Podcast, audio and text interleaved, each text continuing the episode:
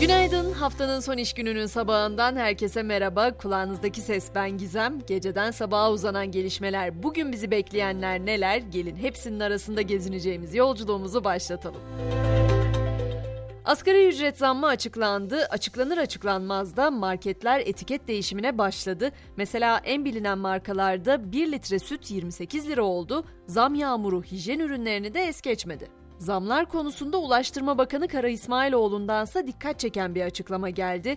Beklentinin aksine köprü ve otoyol geçişlerine zam yapmayı düşünmüyoruz dedi. Hatta bakan sözlerine hükümetimiz Avrasya Tüneli'ne yılbaşında zam yapmayı düşünmüyor ifadesini ekledi.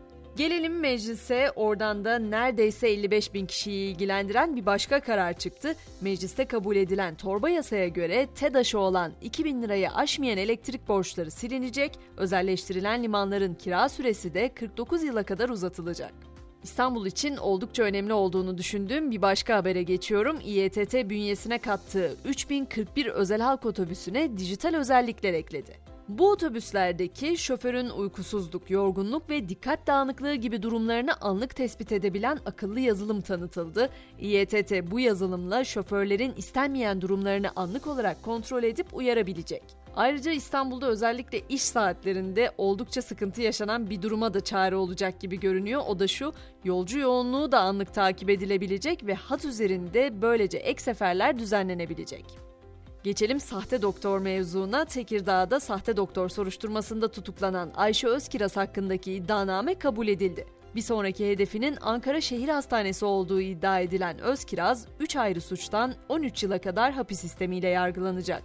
Bu arada mutlaka sosyal medyada görmüşsünüzdür. Özkiraz'ın ortaya çıkan yeni fotoğrafları da gündem oldu. Fotoğraflarda sahte doktorun ameliyatlarda yer aldığı ve hastanede kendisine doğum günü kutlaması düzenlendiği görülüyor. Yolculuğumuzda şimdiki durağımızsa Almanya ama burada öyle bir karışıklık yaşandı ki Almanya'yı hem Türkiye'ye bağladı hem de karşı karşıya getirdi. Almanya'da beyin kanaması geçirerek vefat eden Abdülkadir Sargın cenazesi bir Alman vatandaşıyla karıştırılınca yanlışlıkla yakıldı. Dışişleri Bakanlığı aileyle hemen temas kurdu, konunun tüm yönleriyle araştırılıp takip altında tutulacağını açıkladı. Şimdi cenaze sahipleri hukuki süreci başlatmaya hazırlanıyor. Hazır Avrupa'ya geçmişken Fransa ile devam edelim. Orada bugün tren kontrolörleri greve gidiyor. Talepleri maaş artışı, 3 gün sürecek grevin ülkenin demir yolları şirketine maliyetinin 100 milyon euroyu bulabileceği belirtiliyor.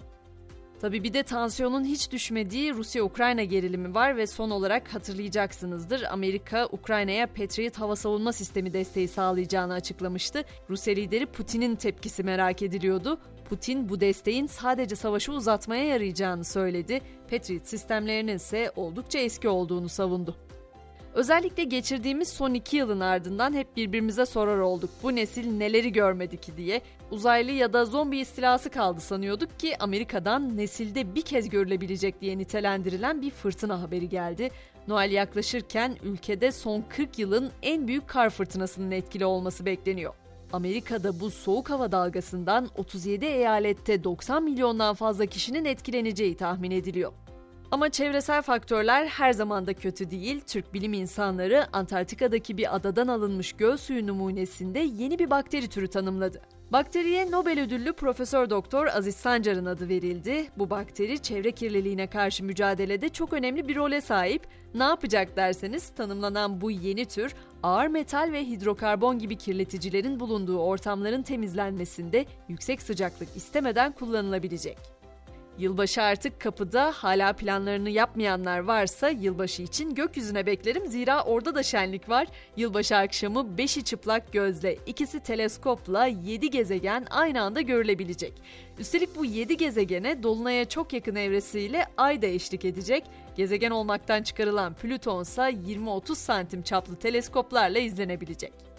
Hemen spor dünyasına da göz atalım. Zira Türkiye Kupası 5. turunda Galatasaray Keçiören gücünü 1-0 mağlup ederek son 16'ya adını yazdırdı. Öte yandan Futbol Disiplin Kurulu Galatasaray'a Kayseri Spor'la deplasmanda oynadığı maçta taraftarlarının neden olduğu saha olayları, çirkin ve kötü tezahürat nedenleriyle toplamda 126 bin lira para cezası verdi.